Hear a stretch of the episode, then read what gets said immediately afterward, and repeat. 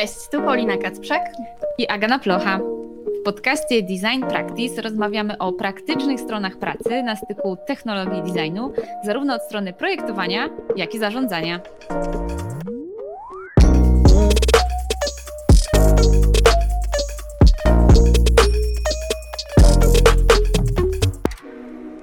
W tym odcinku porozmawiamy o tym, jak opowiadać angażujące historie, jak ćwiczyć storytelling, kiedy jesteśmy designerami, o tym, czym jest marka osobista, jak mierzyć historię i rozpoznawalność marki osobistej i o klątwie wiedzy, która dotyka nas wszystkich. Naszym gościem jest Paweł Tkaczek, strateg, właściciel agencji reklamowej Midea, która pomaga budować silną markę, twórca społeczności Yggdrasil oraz autor trzech książek, a także wielokrotnie nagradzany mówca. Często występuje w t-shircie z Matmanem. W naszym odcinku też wystąpił. Cześć Paweł. Cześć Paweł. Cześć. Cześć Aga, cześć Paulina. E, Paweł, powiedz nam na początek e, nasze rozgrzewkowe pytanie. Jaką książkę ostatnio czytałeś? Wiesz co, dwie czytałem ostatnio. Hmm, chyba muszę wybrać jedną, co? E, dobra, wybieram książkę, która nazywa się Równowaga przywództwa. E, mam problem z polskim tłumaczeniem straszliwie, dlatego że ona się po angielsku nazywa Dichotomy of Leadership e, i ona jest właśnie o tych takich rozdrożach, na których e, stoi lider, przywódca, menadżer, napisana przez dwóch gości, którzy wcześniej napisali i teraz znowu będę musiał powiedzieć polski tytuł i angielski tytuł, bo polski mnie strasznie boli. Pier, pierwszy, Ekstremalne przywództwo to jest polski tytuł, który nijak nie oddaje tego, o czym jest ta książka, dlatego że ona się w oryginale nazywa Extreme Ownership, ta pierwsza książka. E, ownership to jest coś innego niż przywództwo i ona jest właśnie o, o takim podejściu do budowania zespołu, gdzie każdy odpowiada za fuck up wszystkich właściwie, nie? To znaczy, że napisana przez dwóch gości, którzy są komandosami Navy Seals i oni mają taki rytuał, nie wiem jak to nazwać, czyli po, po każdej skończonej akcji oni siadają i ją analizują. To się nazywa postmortem, tylko że e, ta analiza nawet kiedy coś naprawdę pójdzie źle, a im jak pójdzie źle, to wiesz, ludzie giną, e, nie polega na tym, że zwalanie winy, tylko wprost przeciwnie. Każdy z nich mówi, co mógł zrobić lepiej, żeby ta akcja się powiodła. I to, to jest właśnie ten extreme ownership, który oni e, pokazują. Pierwsza książka ich była e, bardzo mocno nasycona taką terminologią wojskową. E, m, druga jest dużo lepsza, w sensie dużo mniej jest o wojsku, a dużo więcej o um, w takich biznesowych scenariuszach, ale właśnie jest o tych rozdrożach przywództwa, tak? Czyli e, roz, ja bym ją tak nazwał nawet po polsku, rozdroża przywództwa. E, no bo masz bardzo często wybory, tak? Jeśli człowiek nie dowozi wyniku, czy go szkolić, czy go zwolnić.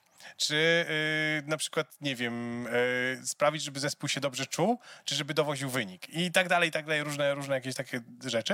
Yy, I ona jest o tym, w jaki sposób te problemy rozwiązywać, zarówno w sobie, jak i, jak i w innych, także całkiem fajna rzecz.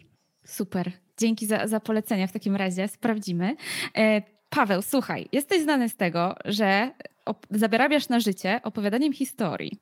Okay. No i też nie wszyscy wiedzą, e, że masz background, jesteś związany z projektowaniem graficznym, z typografią, mhm. więc to jest taka twoja designerska część. I jak to się stało, że mm, dotarłeś do tego obszaru budowania marki, budowania biznesu online i storytellingu? Wiesz co, ja wychowałem się y, w domu, w którym moi rodzice mieli firmę wydawnictwo książkowe. Więc ja właściwie pośród projektantów łaziłem, jak byłem e, nastolatkiem, łebkiem małym i tak dalej, zaglądałem im przez ramię, e, uczyłem się różnych rzeczy i ja właściwie zawsze wiedziałem, że chcę projektować. Chcę projektować yy, i projektować literki. To jest, to jest moja miłość w ogóle, literki. Natomiast no, poszedłem na studia marketingowe, dlatego że moi rodzice dosyć słusznie zauważyli, że z samego projektowania to... E, e, znaczy, to nie jest tak, że się nie da wyżyć z projektowania, ale jeśli zamierzam założyć firmę zajmującą się projektowaniem, to umiejętność prowadzenia firmy jest równie ważna, jeśli nie ważniejsza, niż umiejętność projektowania. I jakby dzięki im za to, dlatego że y, znowu y, książka. Y, jest taka książka, nazywa się mm, Mit przedsiębiorczości. E, nie wiem, czy trafiłyście na tę książkę. Mit przedsiębiorczości jest o tym. tak. Mhm, no więc właśnie, e, jak nie, czytałaś, to ci szybko opowiem, o czym jest. E, główna lekcja jest taka, że jeśli kochasz coś robić, to ostatnią rzeczą, którą powinnaś zrobić, jest założyć firmę, która się tym zajmuje. Dlatego, że jeśli kochasz piec chleby na przykład, to w momencie, kiedy zakładasz firmę, to w twojej dobie pojawia się konieczność kupienia mąki. E, pojawia się konieczność e, sprzedania tego chleba, a wcześniej musisz zrobić mu marketing, musisz rozliczyć podatki i mnóstwo innych rzeczy. E, I okazuje się, że w tej dobie zaczyna brakować miejsca na pieczenie tego chleba. E, jak zaczyna brakować miejsca na pieczenie chleba w firmie do chleba, to musisz zatrudnić ludzi do pieczenia. Musisz rozliczyć pensje i tak dalej, i tak dalej. I skończy się tym, że przestajesz piec.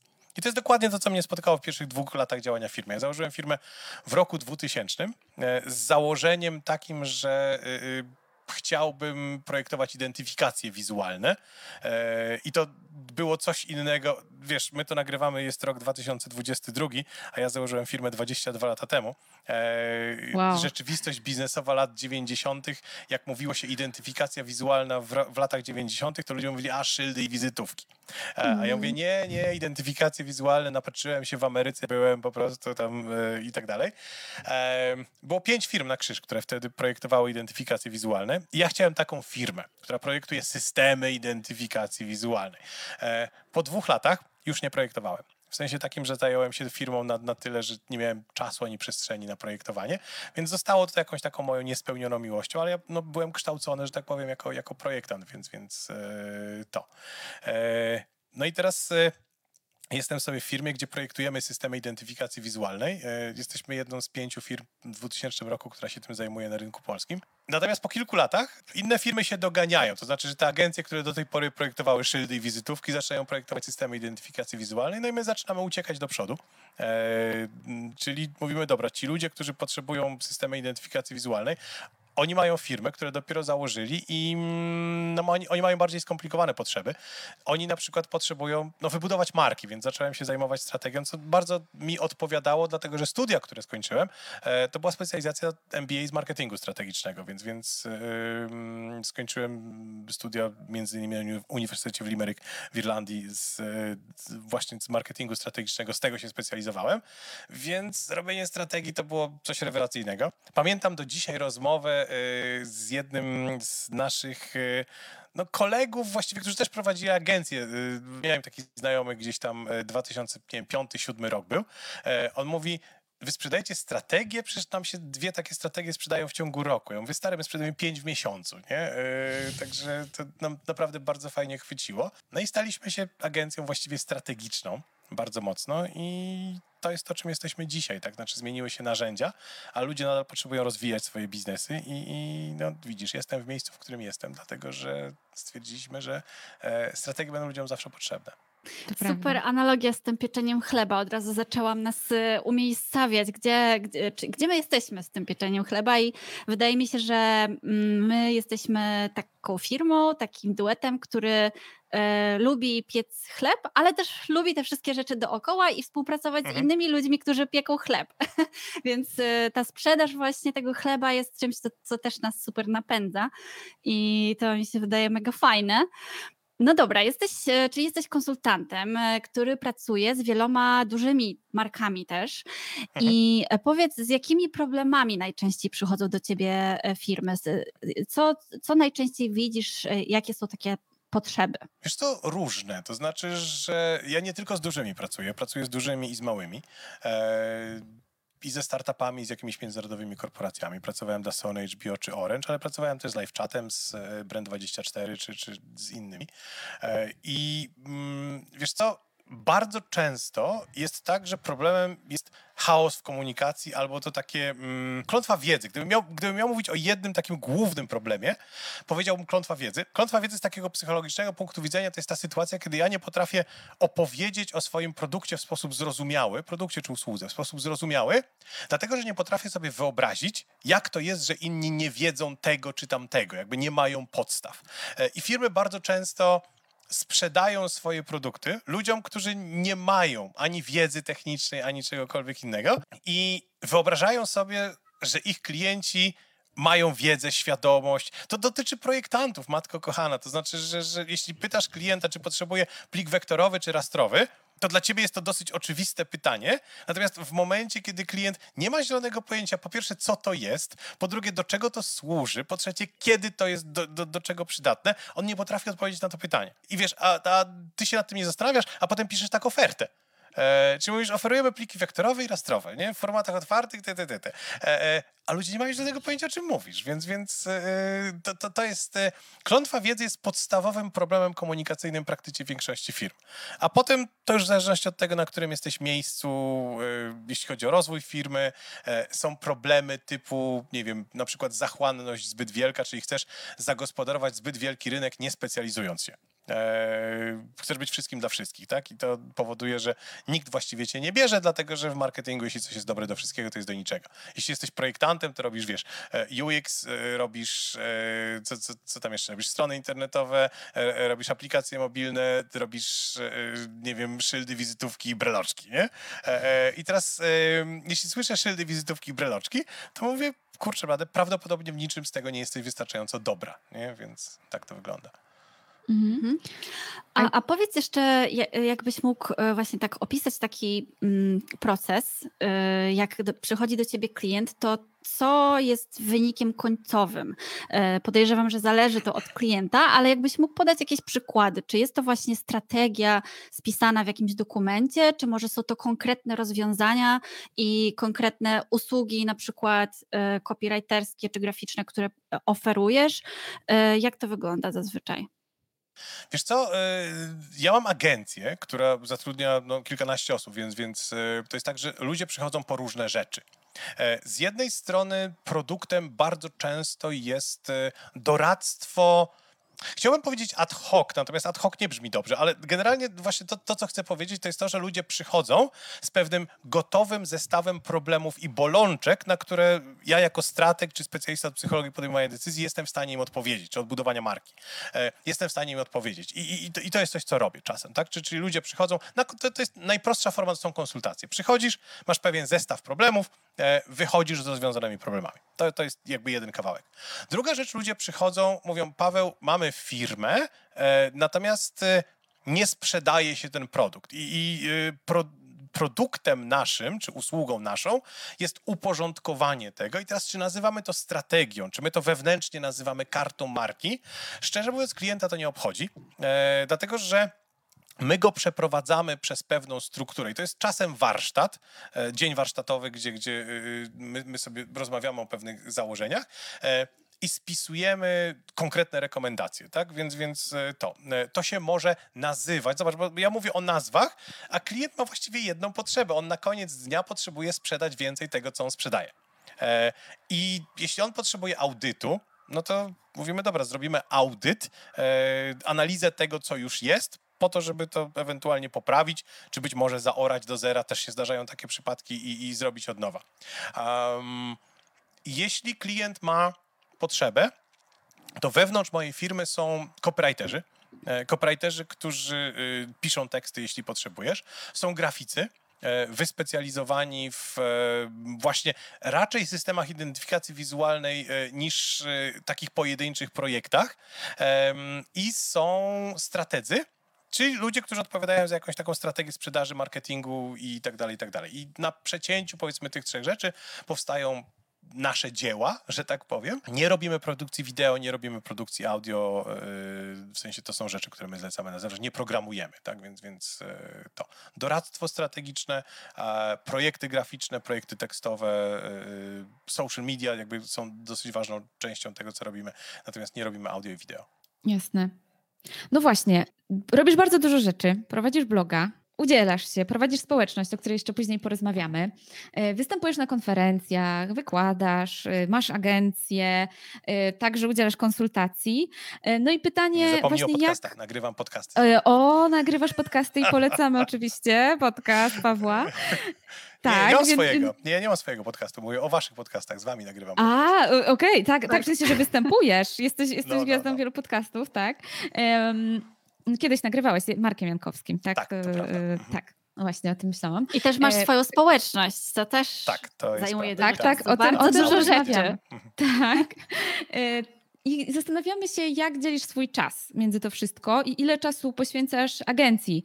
Czy ty tam mhm. jesteś jeszcze potrzebny swojemu zespołowi, czy już na tyle jest on wyszkolony, że radzi sobie bez ciebie? Jak, jak, jak to wszystko mm. organizujesz? Stworzyłem agencję w taki sposób, żebym nie był w niej potrzebny. To znaczy, że oczywiście są dwa rodzaje projektów w agencji, czyli są takie e, projekty, w których ja uczestniczę, Czyli na przykład klient przyszedł do mnie, a nie do agencji. I ja robię doradztwo, a agencja potem jakby robi teksty, grafiki, czy te wszystkie rzeczy, które myśmy ustalili, że potrzebujemy. I to jest, to jest jeden rodzaj projektu. Drugi rodzaj projektu to jest taki, gdzie ludzie przychodzą do agencji i w ogóle mnie nie ma w tym projekcie i bardzo się cieszę, że mnie nie ma. E, jakby oni wszyscy robią to co, to, co trzeba. I dla mnie tak naprawdę agencja jest, e, mm, no właśnie, e, zawsze była tworzona w taki sposób, żeby miała wartość beze mnie. No bo tutaj jak, jak doradzam ludziom, w jaki sposób macie robić firmy i tak dalej, i tak dalej, jedno z podstawowych pytań, które zadaję, jest takie, ile jest warta twoja firma, jeśli dzisiaj ją sprzedasz? I teraz jeśli ona bez ciebie jest warta zero, to prawdopodobnie to nie jest dobrze zaprojektowana firma, nie? Pytasz o, o czas, więc, więc ja spędzam w agencji ten stały jakiś y, przedział czasu, znaczy inaczej. E, myśmy się tak ułożyli, z moimi ludźmi, że ja jestem tym takim gościem, który świeci twarzą, jeździ na wszelkiego rodzaju właśnie, czy warsztaty do klientów, czy wystąpienia na konferencjach, tak jak powiedziałyście i tak dalej, i tak dalej. A moi ludzie mm, wykonują pracę, która nie wymaga świecenia gębą, nie wymaga jeżdżenia. I ja to próbowałem zmienić kilka razy, ale oni mi zawsze mówili, Paweł, nie na to się pisaliśmy. E, deal jest taki, że ty jeździsz, a my nie. E, e więc, więc e, to i ja zawsze właściwie miałem firmę zdalną.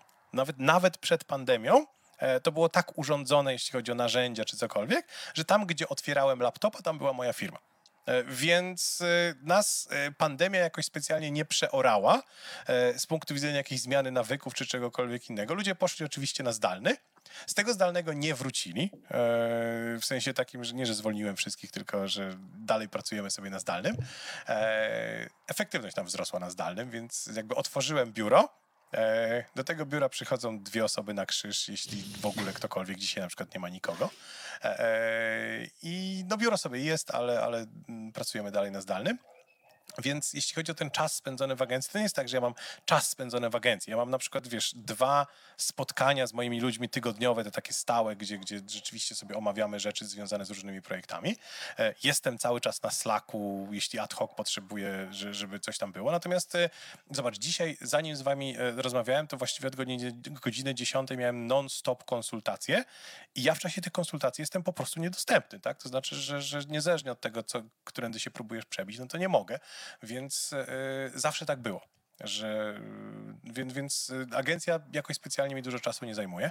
Mm, blog i, i, i wszystkie inne rzeczy związane z mediami społecznościowymi i tak dalej też uczę ludzi tego, że media społecznościowe są złodziejem czasu. Więc e, jeśli nie potrafisz optymalizować mm, tego czasu, no to jest bardzo ciężko. Zwłaszcza, że zobacz, ja na przykład jestem e, w takiej sytuacji, że ja sprzedaję swój czas. Mój czas jest moim źródłem przychodu. Czyli z jednej strony jest agencja jak, jako pewne źródło przychodu, z drugiej strony jest społeczność jako pewne źródło przychodu, ale konsultacje, warsztaty, wystąpienia to jest coś, co ja robię za pieniądze. Więc jeśli ja siedzę, nie wiem, skroluję Instagrama właściwie, to mi pieniądze dosłownie uciekają między palcami, bo mógłbym ten czas sprzedać. Więc y, mam wielką awersję do no właśnie, yy, marnowania czasu na mediach społecznościowych. Staram się to kompresować, robić tego jak najmniej.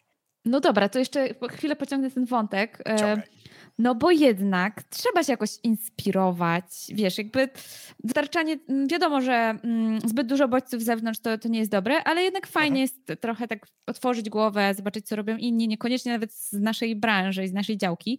E, to jak ty y, szukasz jakichś ciekawych nowych obszarów, rewirów, e, jak ty zdobywasz wiedzę? Czy to są głównie książki, e, czy może jednak coś w internecie dopuszczasz do siebie? Wiesz co, dopuszczam, oczywiście dopuszczam rzeczy w internecie do siebie, ale po pierwsze tak, to są głównie książki. E, uważam, że jeśli koncept jest na tyle dobry, że nie wiem, ileś osób w redakcji to oceniło, przepaliło i tak dalej, i to się ukazało jako książka, to to jest warte mojej uwagi. Problem z internetem mam taki, że to jest jeden wielki śmietnik. E, śmietnik i, i teraz ja muszę z jednej strony poświęcać czas na oddzielanie tego, co jest y, dobre, od tego, co nie jest dobre. I teraz jasne, że czytam rzeczy w internecie, nie, nie, nie ma możliwości, żeby, żeby nie.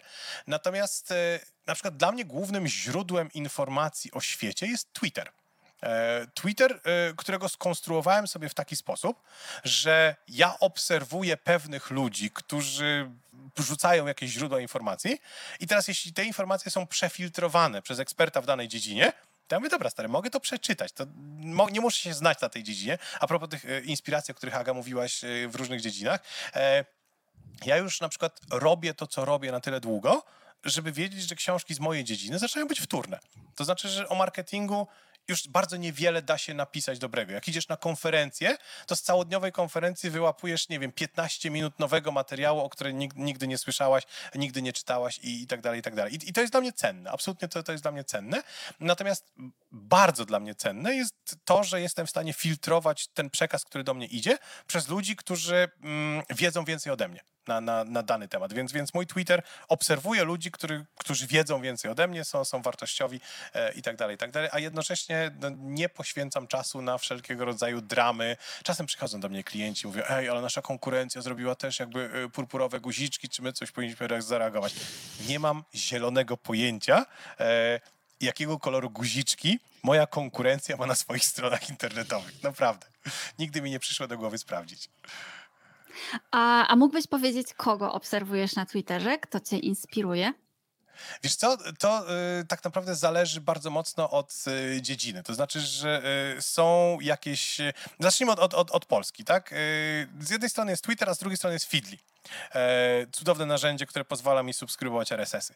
E, więc e, na przykład, kiedy rozmawiamy sobie o, nie wiem, polskim rynku, no to są ludzie od SEO, e, typu GDAK, typu, e, nie wiem, Artur Jabłoński od Facebooka, typu Maciek Lewiński od Analyticsów i, i wiesz, i, i Natalia Hatalska od, od przewidywania przyszłości, ludzie od mobilu i tak, i tak dalej, i tak dalej. Tych, tych nazwisk jest, jest strasznie dużo.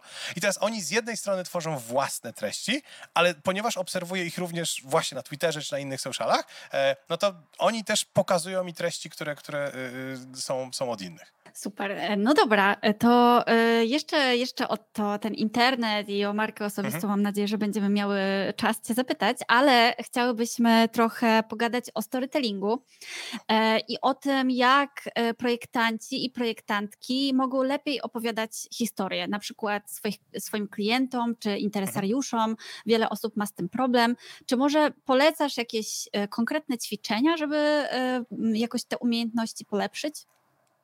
Wiesz co, rozmawialiśmy o klątwie wiedzy. I to jest jedna z podstawowych umiejętności, które trzeba nabyć. I problem z klątwą wiedzy jest taki, że my się nie możemy tego oduczyć. To znaczy, że jeśli wiesz coś, to bardzo ciężko jest, jest się tego oduczyć i jedyny sposób to jest pokazywać teksty, które macie do pokazania, opublikowania, wysłania do klienta um, komuś, kto jest laikiem i obserwować pytania, które ci ludzie zadają, bo to jest sposób na jakby takie trenowanie twojej intuicji, że ej, w tym obszarze prawdopodobnie ludzie zadawali najwięcej pytań, tutaj muszę, muszę na to zwrócić uwagę. Więc, więc y, pierwsze ćwiczenie to jest właśnie pokazać y, to, co chcesz powiedzieć ludziom, którzy są twoją grupą docelową i zapytać ich z powrotem, co oni zrozumieli, co oni zapamiętali. I wyniki mogą was naprawdę zaskoczyć. To znaczy, że y, wam się wydawało, że w takim konkretnym obszarze mówicie zupełnie jasno, a ludzie mówią, nie, zrozumiałem zupełnie coś innego. A z drugiej strony mogło wam się wydawać, że ten obszar bez sensu tłumaczycie, a ludzie mówią, nie, to była najlepsza część twojej wypowiedzi. Także y, to, to, to jest y, jedna rzecz. Jest struktura w ogóle mówienia, czy o sobie, czy o swojej marce, czy o czymkolwiek innym. Tak? I ona mówi, e, po pierwsze musisz się przedstawić, e, czyli walnąć klienta logotypem po ryju. To, to się tak nazywa, tak? Jakby, y, to, jest, to jest logotyp, to jest nazwa, to jest cokolwiek innego. Ale, a ludzie o tym często e, zapominają. To znaczy, że e, dostałem kiedyś do, do zaopiniowania ulotkę firmy farmaceutycznej, e, gdzie były trzy strony na temat jakiegoś preparatu, tekstu na temat jakiegoś preparatu i nigdzie nie była wymieniona nazwa tego preparatu.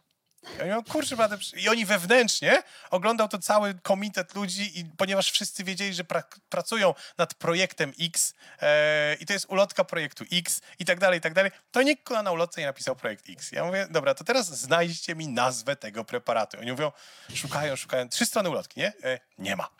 E, e, więc, więc e, to bardzo często są, są, więc to przedstawienie się jest dosyć ważne. Drugie pytanie, na które fajnie jest sobie odpowiedzieć w ramach takiego ćwiczenia, to jest komu i w czym pomagasz. To jest podwójne pytanie, które z jednej strony definiuje rynek, kto jest twoim rynkiem, a z drugiej strony definiuje ciebie jak, jak, jako pewien zakres, komu i w czym pomagasz, to jest podstawowe pytanie, które definiuje markę. I potem są pytania typu, dlaczego powinienem ci wierzyć? Tutaj wjeżdża na przykład coś takiego, co nazywa się transfer autorytetu. Jeśli ja nigdy o tobie nie słyszałem, to być może słyszałem o czymś, z czym masz do czynienia. Jak ja się przedstawiam na stronie, mówię, cześć, jestem Paweł Tkaczyk, buduję silne marki pracowałem dla Sony HBO i Orange. I Sony HBO i Orange pełnią rolę transferu autorytetu, czyli jeśli nigdy o mnie nie słyszałaś, e, słyszałaś pewnie o Sony HBO i Orange i to umieszcza mnie w twojej głowie w jakimś miejscu, w jakimś ekosystemie, więc, więc e, to, to, to jest e, taka rzecz. A potem, kiedy ja już e, ci wierzę, no to pytanie jest takie, w czym jesteś jedyna. Dlaczego miałbym ciebie kupić, a nie kogokolwiek innego? I teraz to samo dotyczy designu. To znaczy, że jeśli sprzedajesz mi projekt, to mówisz, e, to jest projekt według tam ideologii X, e, której używał Paul Gauguin e, i słyszałem o gościu, także wiesz, nie? I to jest, jako jedyni zastosowaliśmy teorię tam, nie wiem, archetypu koloru, wymyślam na bieżąco, nie ma czegoś takiego. Więc, więc bla, bla, bla. I teraz ty brzmi słuchasz dobrze. tego i mówisz, no nie, brzmi świetnie. mówisz, ej, to jest coś, to ja to, ja to kupię. Także mm, mm, mm, są pewne stałe elementy, które można właśnie umieścić w takim przekazie po to, żeby zwiększyć jego wartość. Mhm, super, super, fajne ćwiczenia. A co jeśli prezentujemy Czyli mhm. E, mamy przygotować czy jakiś tam raport, czy prezentujemy właśnie jakieś tam swoje rozwiązanie, swój design. E, powiedzmy, że pozostałym członkom zespołu, e, jakiemuś menedżerowi, czy tam klientowi. No i naszym zadaniem jest jakby, wiadomo, slajdy, mhm. ale y, doskonale wiemy, że, że slajdy to jest tylko część prezentacji, a bardzo ważna jest ta struktura, to w jaki sposób my ją poprowadzimy. Więc jakie rady byś dał? E, wiadomo, że y, na temat e, sztuki prezentacji można rozmawiać godzinami. E, I z Kamilem Koziołem, temat... najlepiej nie ze mną. O, dokładnie, polecamy, Prezart. E, tak, tak, ale jakie ty byś dał rady projektantom? Bo wiesz, znasz, te, znasz też tę branżę, mhm. współpracujesz w swojej agencji też z mhm. projektantami e, i jakie byś dało takie podstawowe rady osobom, które siadają do raportu i prezentacji, jak oni powinny w ogóle przekazywać tę wiedzę, żeby ona była angażująca, ciekawa, żeby ludzie chcieli nas słuchać w ogóle. Wiesz co, kilka rzeczy. Po pierwsze, na przykład rozróżniłbym między, y, i tutaj absolutnie kredyt idzie do, do Kamila Kozieła, bo to chyba jego słowo, e, slajdem a slajdumentem. E, mm, slajdument tak. to jest, to jest taki e, doku, skrzyżowanie jakby dokument i slajd. To jest coś, co powinno być wysłane mailem i nigdy nie powinno być prezentowane. E, e, to jest slajdument, nie? E, I jest mnóstwo prezentacji, które mogłyby być mailami. Znam takie kultury korporacyjne, gdzie jakby wszystko tak, jest PowerPointem, no. a, a to powinno być mailem. Więc zastanów się, czy, czy, czy to, co w ogóle zamierzasz wyświetlić na ekranie, jest slajdumentem, czy, czy, czy, czy jest slajdem. I teraz, jaka jest podstawowa różnica? Slajd ma aspekt czasu. To, to jest y, pierwsza rzecz. To znaczy, że slajdument to jest statyczny dokument, e, na którym na przykład wszystkie cztery punkty są wyświetlone. Slajd e, to jest niestatyczne, dlatego że ja w czasie będę o poszczególnych tych czterech punktach mówił i one nie powinny być wyświetlone naraz. To znaczy, że mhm. jakby wyświetlam podpunkt numer jeden, będę wam o tym odpowiadał przez dwie minuty, podpunkt numer dwa, będę opowiadał przez dwie minuty, podpunkt numer trzy, czyli wzięcie pod uwagę tego, że po pierwsze jest aspekt czasu, a po drugie jest prezenter. To znaczy, że jeśli na znowu dokumencie, na prezentacji znajduje się wszystko, co chciałaś powiedzieć, to mamy do czynienia ze slajdumentem, a nie mamy do czynienia z, z prezentacją. Natomiast prezentacja to są główne punkty, do których ty coś dopowiadasz. Więc to są, to są dwie rzeczy, na które bym e, zwrócił uwagę. Ten aspekt czasu e, i obecność prezentera. E, poza tym, m, mm, na przykład wiemy, są, są takie bardzo fajne badania gościa, który nazywa się Paul Bloom. On badał w ogóle dzieła sztuki, ale y, tutaj y, bardziej chodzi o, o, o, to, że efektem tych badań jest to, że on wiedział, dlaczego my przypisujemy wartość do, do tych dzieł sztuki. I on mówi tak, jeśli prowadzisz galerię, y, to jednym, jednym z czynników, który jest najbardziej skorelowany z tym, ile klient chce zapłacić za dzieło sztuki, jest obecność przy jego powstawaniu, przy, przy, znaczy wizyta w pracowni artysty i teraz dzisiaj jestem obecny przy powstawaniu dzieła, no to absolutnie jestem w stanie zapłacić za nie więcej. E, to samo dotyczy projektantów. E, I ja nie mówię oczywiście, żebyście zapraszali ludzi e, do waszej pracowni, żeby zaglądali przez ramię, e, natomiast przeprowadzenie ludzi przez proces w, twórczy w czasie prezentacji jest jedną z najlepszych rzeczy, które e, sprawiają, że na końcu ludzie chcą kupić końcowy efekt. Czyli w mhm. momencie, kiedy my na przykład, nie wiem, prezentujemy klientowi logotyp, to my nie prezentujemy logotypu, tylko mówimy, zobaczcie, to jest wersja pierwsza, którą wyrzuciliśmy do kosza. E, tu jest pomysł, który za nią stoi. E, wzięliśmy ten pomysł, jeszcze sześć razy go obracaliśmy i tak dalej. I cały ten proces twórczy jest w prezentacji.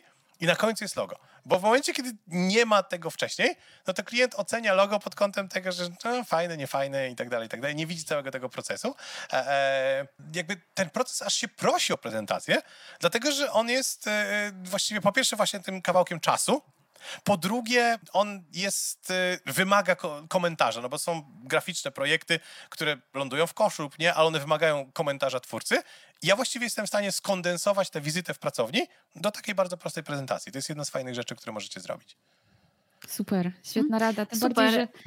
Tak że dużo osób się skupia jednak na tym efekcie końcowym i wydaje mi się, mhm. to też się wiąże trochę z klątwą wiedzy, nie? że to będzie tak. nieciekawe, tak. że przecież wszyscy wiedzą, jak proces wygląda, e, a tutaj można to przedstawić w ciekawy sposób i ten mhm. nasz mhm.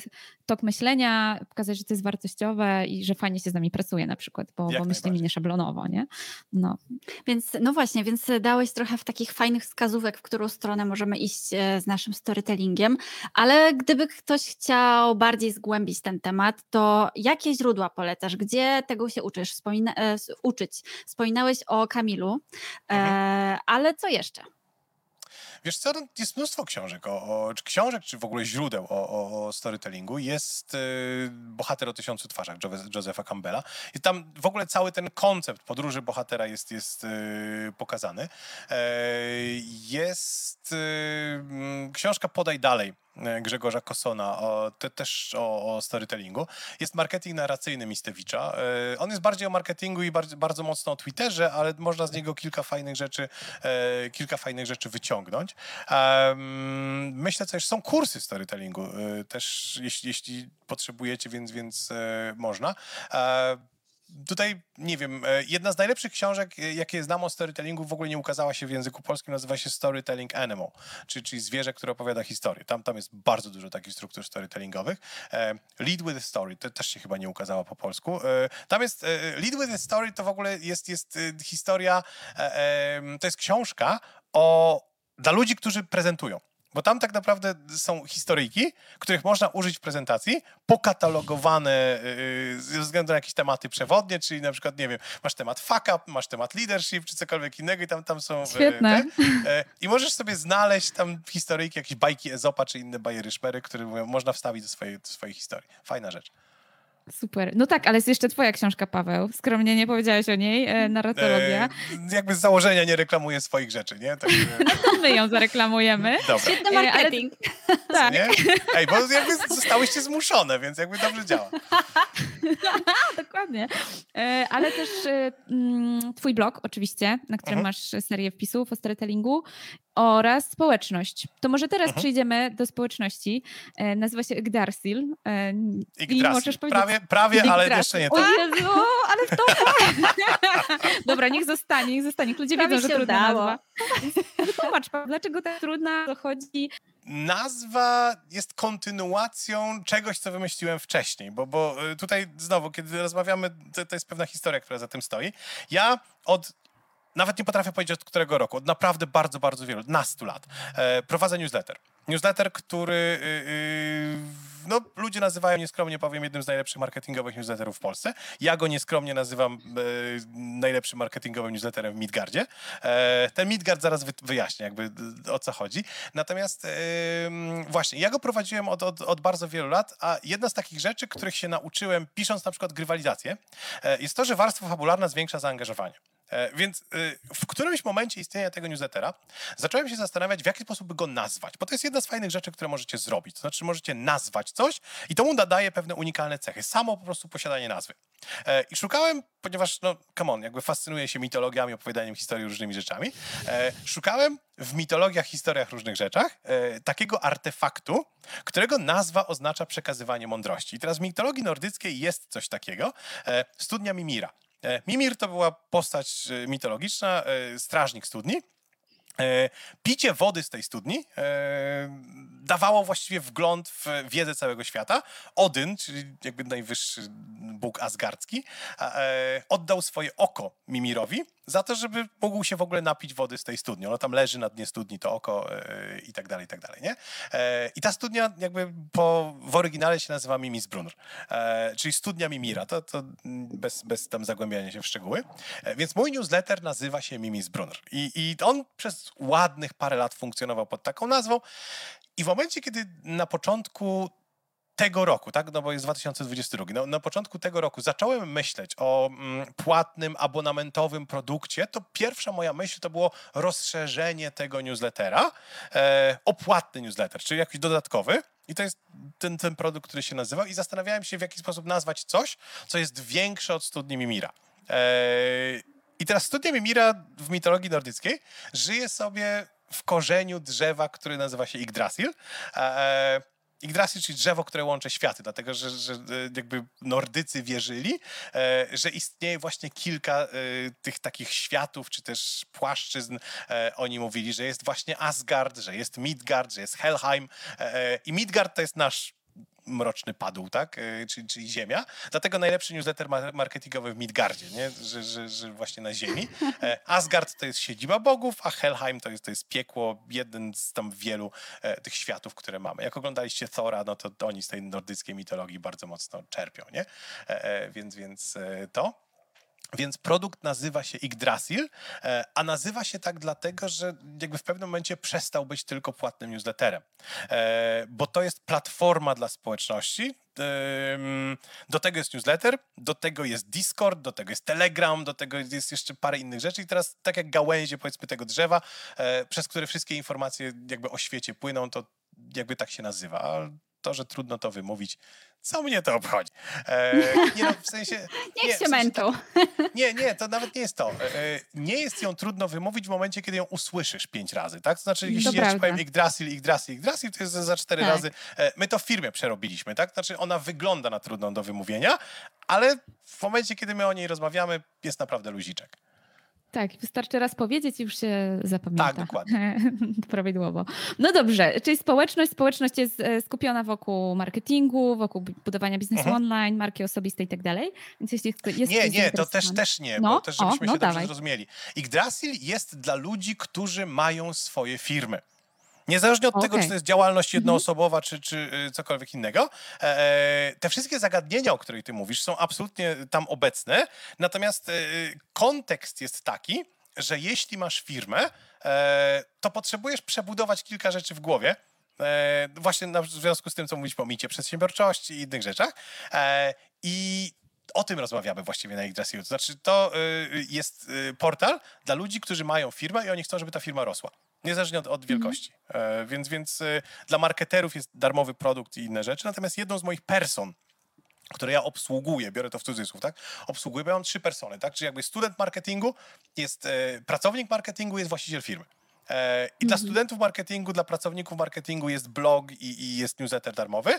Jeśli jesteś właścicielem firmy, mam dużo lepszych rzeczy, tylko że one są już za, za paywallem, za gatewayem płatne. Mhm. Super, no to polecamy bardzo serdecznie, podlinkujemy e, do społeczności Yggdrasil. E, a i, bardzo dobrze a... poszło, zobacz, już świetnie ci. A, udało się. e, ale wróćmy jeszcze na chwilkę do tego storytellingu. Jeszcze chcę, chcemy trochę pociągnąć ten temat. No bo jakby z, współpracujesz właśnie z wieloma markami, wiesz co się dzieje i jakie marki twoim zdaniem warto obserwować pod kątem storyte, storytellingu? Jak uważasz, kto uważasz robi to dobrze w Polsce czy za granicą, obojętnie? Wiesz co, jest dużo, ale to nie jest tak, że są marki. Są no, firmy, którym wychodzi od czasu do czasu. Zwłaszcza, że to jest bardzo mocno kwestią też agencji, z którą oni współpracują. Nike e, regularnie robią to dobrze. E, od jakichś tak animowanych kampanii, przez, przez e, nie wiem, współpracę Koliny, z Kolinem Kapernikiem, e, różne takie rzeczy, naprawdę robią to dobrze, mają to DNA takie storytellingowe bardzo mocno rozwinięte. Procter Gamble robi świetne rzeczy czasem, jeśli trafi im się e, dobra współpraca z agencją, więc e, kampania Thank You Mom na przykład, to, to, to przecież ich jest, nie? I, jedna z najbardziej wzruszających rzeczy, które, które e, robili i to przez kilka lat naprawdę, więc, więc nawet nie myślałbym firmami, tylko myślałbym kampaniami, wiesz? Mhm. Apple jest genialny w storytellingu i to nie tylko na płaszczyźnie reklamowej, ale jak, jako jakby kultury storytellingowej zbudowanej wokół firmy. Świetni są.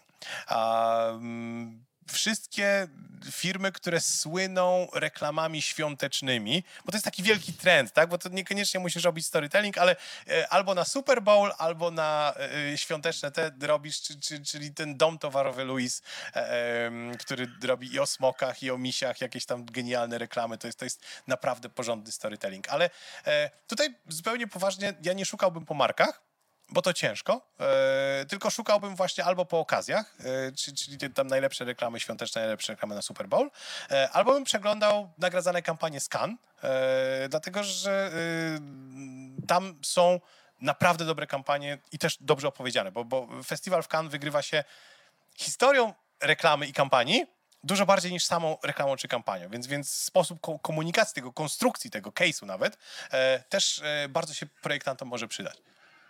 Mhm. Jak powiedziałeś o tych świątecznych kampaniach, to od razu mi przyszła do głowy e, długa, bardzo długa reklama apartu. Reklama apartu, nie? Y, świetna Ojej, tak. I za to jest odpowiedzialny klub komediowy, który tak, bardzo polecamy obie z Agą, bo chodzimy. To jest po prostu genialne, genialne. Ja do dzisiaj mam tę piosenkę w głowie, także mm, wyszło, wyszło, hit, jest hit. E, dobrze, czyli mm, wiemy na co zwracać uwagę. Ale jest jeszcze taka kwestia, trochę się to wiąże też z tym, co wcześniej powiedziałeś, Paweł, a propos Twittera i filtrowania, no ale jest tak, że zalewa nas strasznie dużo kontentu, jest mhm. TikTok, e, Instagram, Reels i tak dalej. No to wchodzą jakieś takie nowe formaty. E, no i my też wiadomo śledzimy, co tam się dzieje, śledzimy, jak ludzie opowiadają historię, gdzieś tam e, chcemy sprawdzać, co się klika.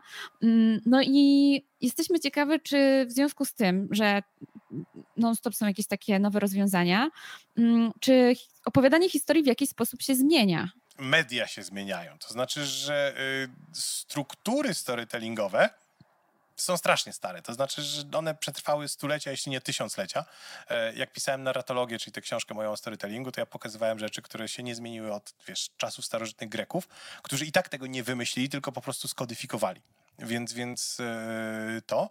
E, natomiast zmieniają się media oczywiście, czyli myśmy kiedyś opowiadali historię w teatrze, na, na, na deskach teatru, e, potem opowiadaliśmy historię, wiesz, w książkach, w gazetach, fotostory, potem zaczęliśmy robić wideo, podcasty, różne cudawianki, więc, więc tutaj mm, ja na przykład jak uczę storytellingu, prowadzę szkolenie ze storytellingu, gdzie uczę taką autorską metodą, która się nazywa cztery warstwy opowieści. I te cztery warstwy, pierwsza nazywa się cel, druga nazywa się struktura, trzecia trzecia nazywa się fabuła, a czwarta nazywa się format.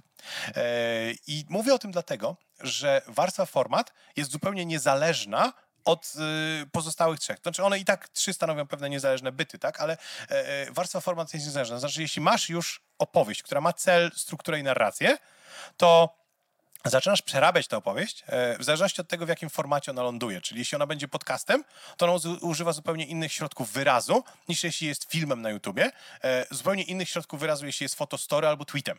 E, I te same scenariusze my jesteśmy w stanie przerobić na serię tweetów, na TikToka, na właśnie fotostory czy cokolwiek innego.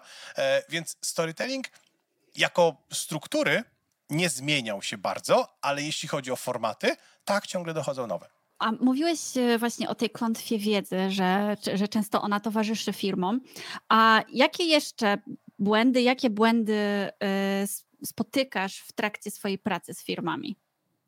Wiesz co? Najczęściej. E, to, to, to, nie jest tak, że to są błędy. To znaczy, że ludzie robią naprawdę dobry biznes, dlatego że zgodnie z tym, co mówiliśmy o micie przedsiębiorczości, znają się na robieniu biznesu. Czyli wiesz, idę sobie do biznesu piekarza i on robi świetne bułki.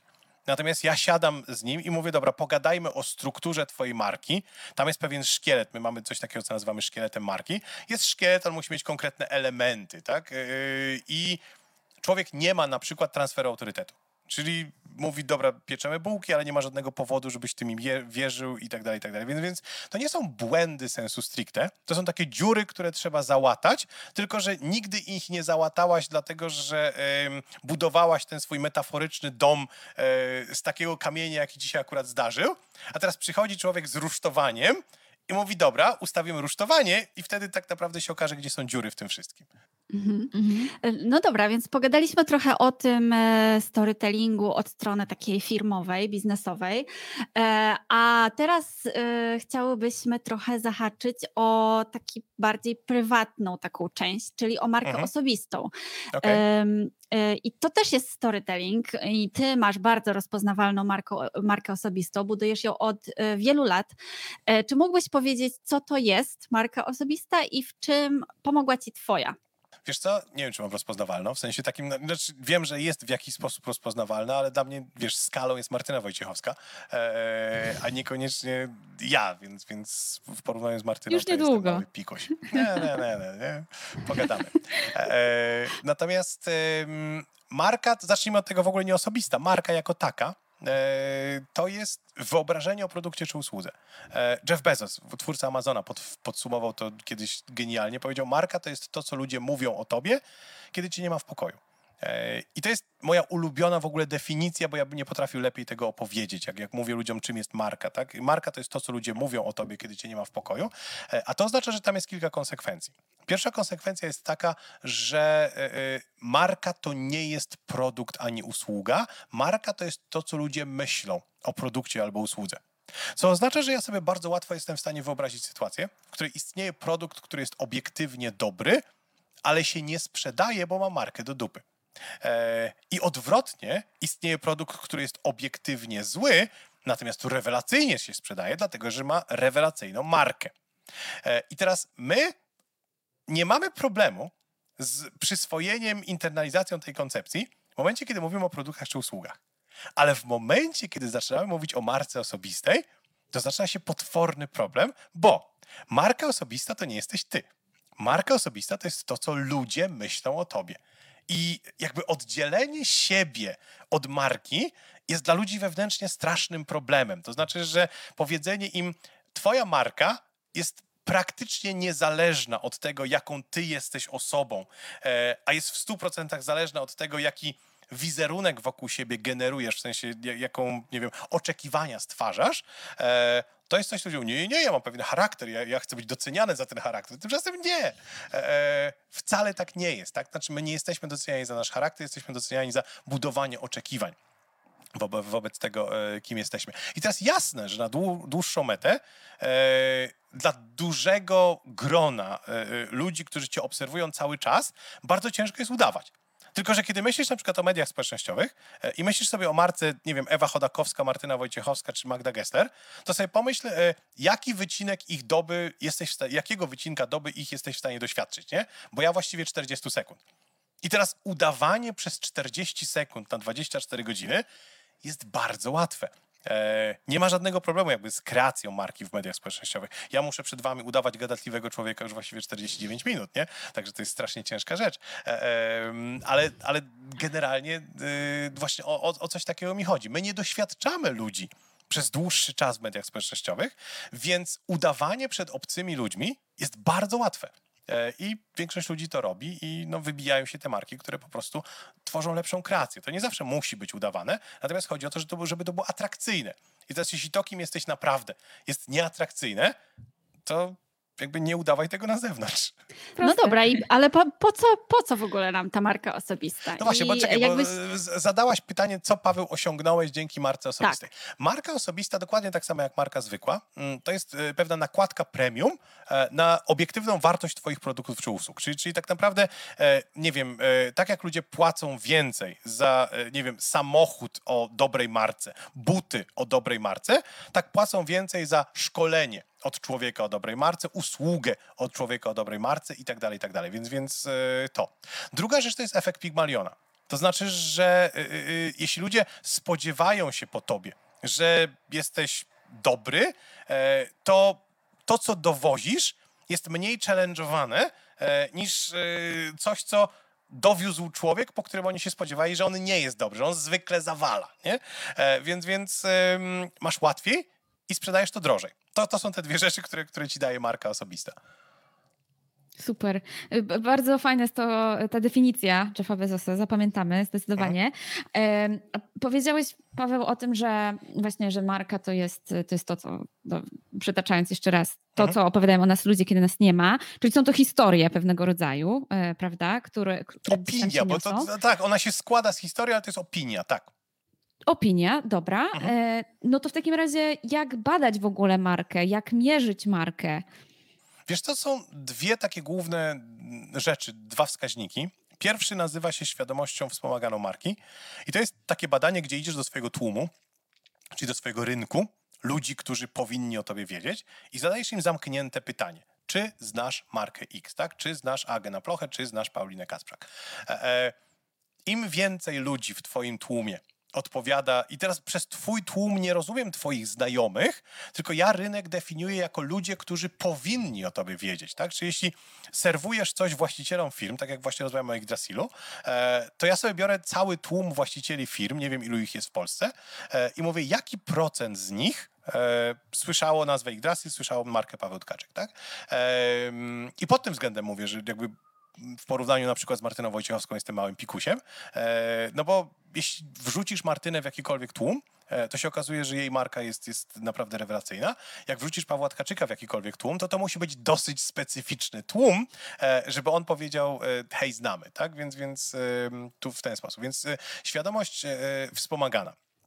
I wszystko, co robimy, powinno być dążeniem do tego, że jak najwięcej, jak największy procent tego rynku twojego um, potrafi cię rozpoznać. Właśnie rozpoznanie jest jedyną rzeczą, którą my tutaj mierzymy, co znaczy, że strategią dotarcia do tego jest coś, o czym mówiłem wcześniej, nawalanie klienta logotypem po ryju. To znaczy, że tam nie ma potrzeby żadnego wielkiego komunikatu, po prostu pokazujecie logo, pokazujecie, nie wiem, w przypadku marki osobistej to jest gęba, to jest koszulka z Batmanem. E, e, nie wiem, na ile to widać tutaj, e, e, ale, ale w ten sposób to wygląda. Mm, mm, więc, więc e, to i, i w momencie, kiedy to macie, to macie dobrą markę, przynajmniej w jednym aspekcie. Drugi aspekt nazywa się świadomość spontaniczna. I świadomość spontaniczna to jest takie badanie, gdzie ja znowu idę do mojego rynku, ale zadaję mu pytanie otwarte tym razem. Nie o produkt, tylko o kategorię. Czyli jeśli chcesz kupić samochód, to jakie są pierwsze samochody, jakie ci przychodzą do głowy? Chcesz kupić meble, to jakie są sklepy meblowe, które ci przychodzą do głowy? Jak chcesz zatrudnić projektanta, to jaki jest projektant pierwszy, który ci przychodzi do głowy? I tutaj na przykład e, sposobem na zdobycie tej, to jest tak zwana świadomość top of mind, czyli pierwsza, która przychodzi do głowy. Sposobem na zdobycie tego jest specjalizacja. Dlatego, że mi jest dużo łatwiej wymienić projektantów specjalizujących się w aplikacjach mobilnych w branży fitness e, niż projektantów. Nie? Więc, więc e, tutaj dużo łatwiej jest się wybić, jeśli jesteś, projektujesz te aplikacje mobilne dla branży fitness, nie? Więc, więc w ten sposób. E, I w momencie, kiedy twoja marka wysoko się rejestruje na świadomości wspomaganej i świadomości spontanicznej, to masz dobrą markę. Są pewnie jeszcze inne rzeczy, które moglibyśmy mierzyć, ale na, na ten poziom, powiedzmy, to nam wystarczy. A gdybyś miał y, zacząć teraz budować swoją markę osobistą, to mhm. Y, i w ogóle swoją obecność w sieci, to od czego byś zaczął? Na czym warto się skupić w tym momencie? Od zdefiniowania kategorii. Ja będę to powtarzał po prostu do znudzenia, dlatego że to jest jedna z najważniejszych rzeczy. E, ja, mm, gdybym dzisiaj budował swoją markę osobistą, to pewnie zbudowałbym ją w innej kategorii niż e, budowałem wcześniej, dlatego że ta kategoria jest, jest już obsadzona. To znaczy, że e, moja kategoria w tej chwili to jest specjalista od budowania marki. Ale gdybym wchodził na ten rynek, to bym powiedział, specjalistów od budowania marki jest strasznie dużo. E, mi jest troszkę łatwiej, bo ja utrzymuję, powiedzmy, pozycję wysoką bardziej niż ją próbuję zdobyć. E, ale wchodząc na nią powiedziałbym, kurczę, będę, nie wiem, specjalista od TikToka. E, nie znam się na TikToku, także musiałbym coś tam, wiesz, ogarnąć, nie? Ale rozumiesz, nie? E, e jest ich dużo mniej niż specjalistów od marketingu. Specjalista jakiegoś narzędzia, tak, także postawiłbym kilka, powiedzmy, zakładów bym zrobił na temat tego, co urośnie i tam bym próbował. I, i wtedy bym właśnie... Thought leadership to, to, jest, to jest taka koncepcja przywództwo idei. E, e, czyli definiujesz siebie jako specjalista od marketingu na TikToku, a następnie używając, mam nadzieję, kuna badań i e, raportów, no bo znam mnóstwo takich specjalistów, którzy nie używają badań i raportów, nie? Ale tylko z głowy, ale e, mówią, co jest ważne na tym, żeby się tam na tym TikToku wybić, czy, czy cokolwiek innego. Używam TikToka z jednej bardzo prostej przyczyny, jako przykładu, z jednej bardzo prostej przyczyny. Tutaj chodzi o to, czego ludzie naprawdę szukają czego ludzie potrzebują. No bo bycie specjalistą od, yy, nie wiem, marynowania książek, być może jest to bardzo niewielki rynek, ale zakładam, że również nikomu niepotrzebny. Nie? E, e, więc, więc e, to. A, a TikTok jest potrzebny ludziom. Ludzie uważają, że jest im potrzebny, więc, więc bycie specjalistą w takiej dziedzinie, która jest przyszłościowa, a jednocześnie jest potrzebna ludziom, bardzo fajna rzecz. A czy są jakieś osoby, które ty śledzisz pod kątem marki osobistej, tak z ciekawości? Marki osobiste jako marki osobistej? Nie, w sensie takim, że jakby wiedza o marketingu, którą mam, E, jest e, wystarczająco rozległa, że tak powiem, e, że nie potrzebuję kogoś stricte od marki osobistej. Znaczy, że śledzę wystarczająco ludzi od marketingu, żeby ta marka osobista przewijała się wystarczająco często, że nie potrzebny mi osobny specjalista do, do, do marki osobistej. Także, także nie. Znam książki, czytałem mhm. książki, ładnych parę o, o marce osobistej, natomiast stwierdziłem, dobra, nie, nic, nic specjalnego. A jakie ciekawe osoby, Twoim zdaniem, te, z których obserwujesz, mają e, właśnie ciekawą markę osobistą, e, którymi można się inspirować, obojętnie z jakiej dziedziny? Mnóstwo ludzi ma takie marki. To znaczy, że e, wiesz, to jest kwestia tego. Pamiętaj o tym, że po pierwsze są poziomy nie wiem jak to nazwać, celebryctwa, ale to, to jest złe słowo, dlatego że yy, celebryctwo się źle kojarzy. A dla mnie celebryctwo jest jakby tożsame ze znajomością w konkretnym tłumie.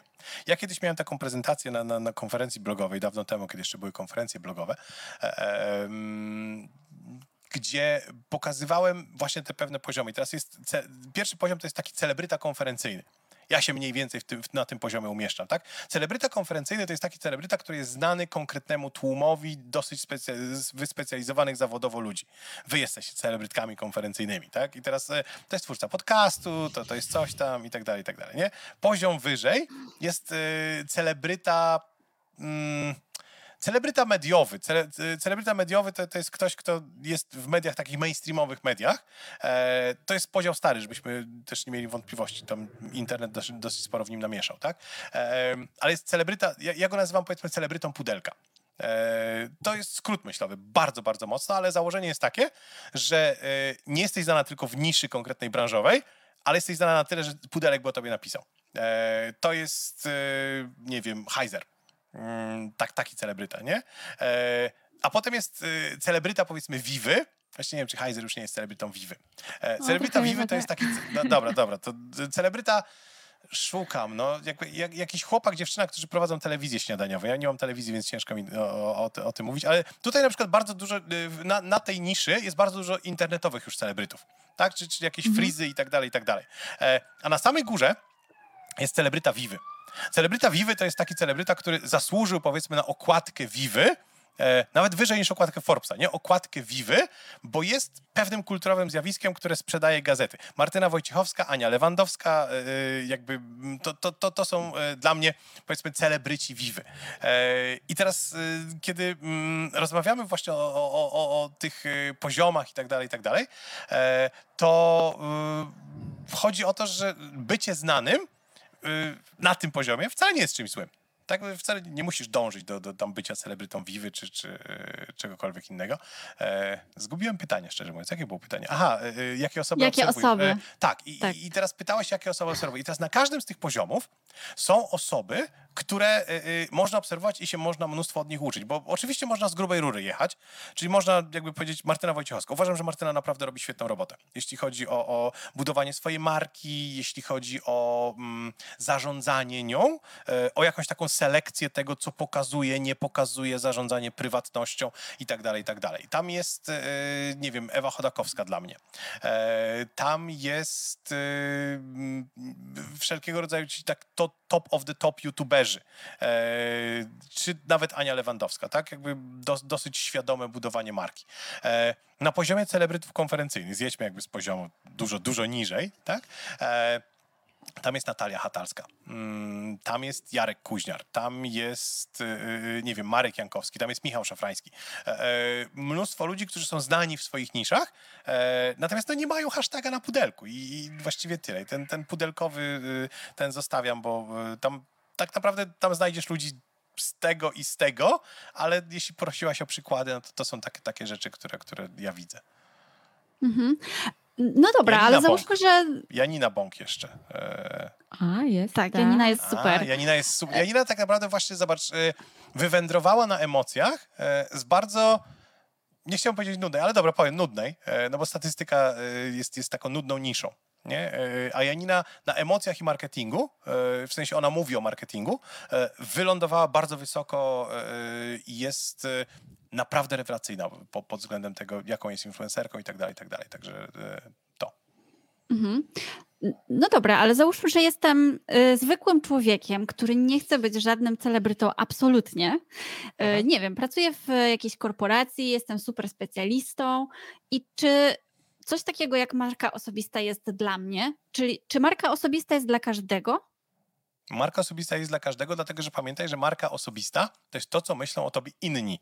Więc w momencie, kiedy są jacyś inni, to masz markę osobistą. Jak duży to jest tłum, czy to jest, wiesz, 20 osób w firmie, 200 osób w firmie, 300 na konferencji, e, czy 10 tysięcy, którzy cię tam śledzą na Instagramie, wtedy już jesteś no, kimś.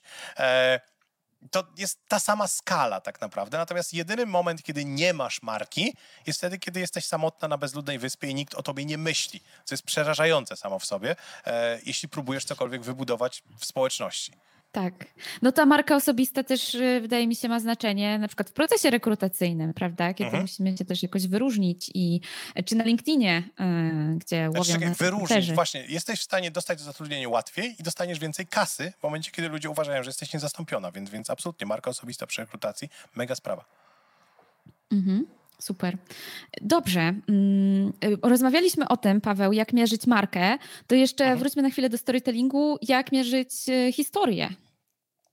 Wiesz co, są trzy, na warstwie tej y, cel, są trzy cele, które historia może dowozić. E, pierwszy cel to jest emocja. Czyli historie mogą dowozić emocje. Mierzenie emocji jest stosunkowo proste. To znaczy, że zapodajesz historię i obserwujesz twarze swoich odbiorców. E, jeśli oni się śmieją, cudnie. Jak płaczą, świetnie. Rzucają cię w czymś, super ekstra. E, natomiast jeśli, wiesz, zapodajesz historię i twarze twoich odbiorców są takie nic, nie, żaden mięsień nie drga, znaczy, że nie dowiozłaś. Po prostu najnormalniej w świecie nie dowiozłaś. E, drugi cel, który historia może dowozić, to jest wiedza.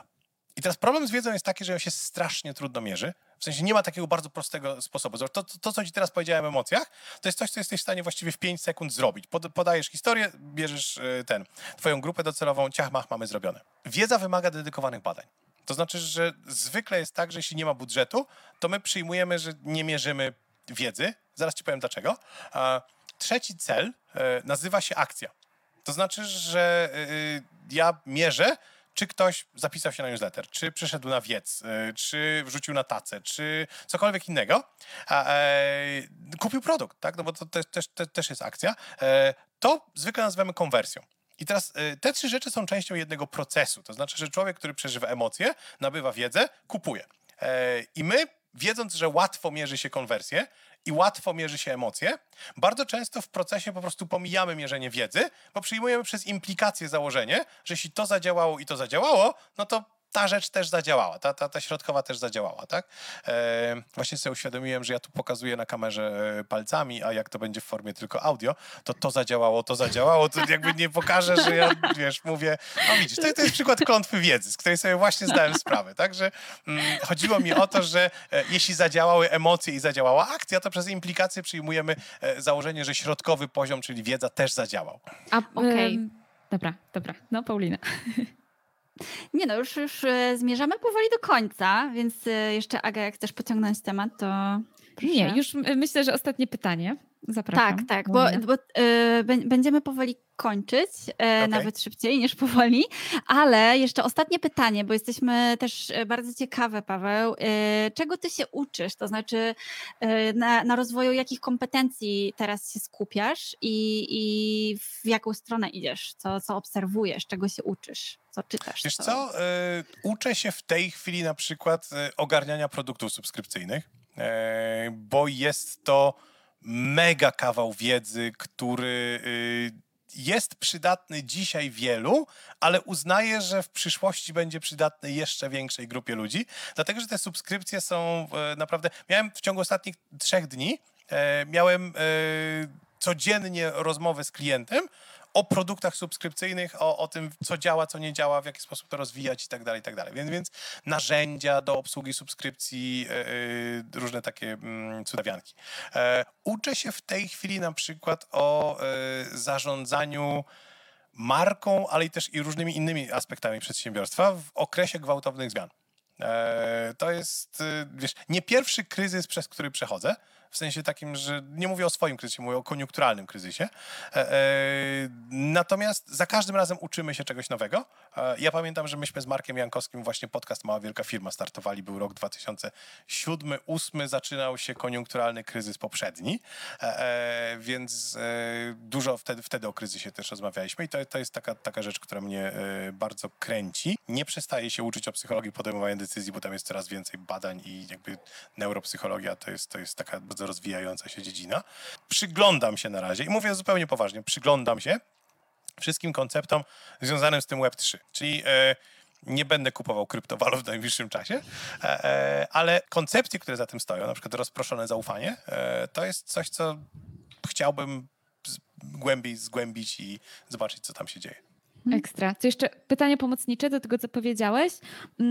Mm, ciągle zagłębiasz się w temat psycho, e, psychologii podejmowania decyzji. Mhm. Jest dużo badań. Skąd czerpać wiedzę, gdzie szukać tych badań? Czy, czy masz jakieś jedno źródło? Które, znaczy myślę, jest że jedno takie główne, czyli serwis, no? który się nazywa Akademia Edu. E, Akademia mhm. to, to, jest serwis, który serwuje ci prace naukowe, więc ja bardzo lubię teksty źródłowe. E, mam tam monitoring nastawiony na, na, na, kilka haseł i w momencie, kiedy wjeżdża mi nowa praca, to sobie czytam. Plus jakby gazety branżowe. Mm, związane właśnie z psychologią, jakiś tam e, consumer psychology czy, czy, czy, coś w ten deseń i, i no, tam najczęściej to jest taki początek, powiedzmy, jak consumer psychology o czymś napiszę, to ja mówię, dobra, potrzebuję materiałów źródłowych, idę se grzebać i tak dalej, i tak dalej, więc, więc takie rzeczy. Super, super. Paweł, ogromnie Ci dziękujemy za y, bardzo dużo ciekawych haseł, inspiracji i też wiedzę, którą nam zaserwowałeś. No i mamy nadzieję, że Yggdrasil Dobrze powiedziałam? Bardzo dobrze, ej, no świetnie ci poszło, Będzie się rozwijać, e, no i spotkamy się za jakiś czas i opowiesz nam o jakichś nowych działaniach, nowych tematach. Dobra, super. Dzięki wielkie za zaproszenie, było mi bardzo miło. Dzięki, Dzięki wielkie. Bardzo dziękujemy Ci za wysłuchanie tego odcinka. Notatki i linki do niego znajdziesz na naszej stronie designpractice.pl ukośnik 013. Jeśli podoba Ci się nasz podcast, koniecznie zasubskrybuj go w swojej platformie podcastowej lub na YouTubie. Będziemy też bardzo wdzięczne za feedback w postaci komentarza. A na nowe odcinki możesz liczyć w każdy pierwszy i piętnasty dzień miesiąca. Pamiętaj też o zapisaniu się do newslettera, żeby nie przegapić żadnego nowego odcinka. Wejdź na designpractice.pl. Do usłyszenia za dwa tygodnie.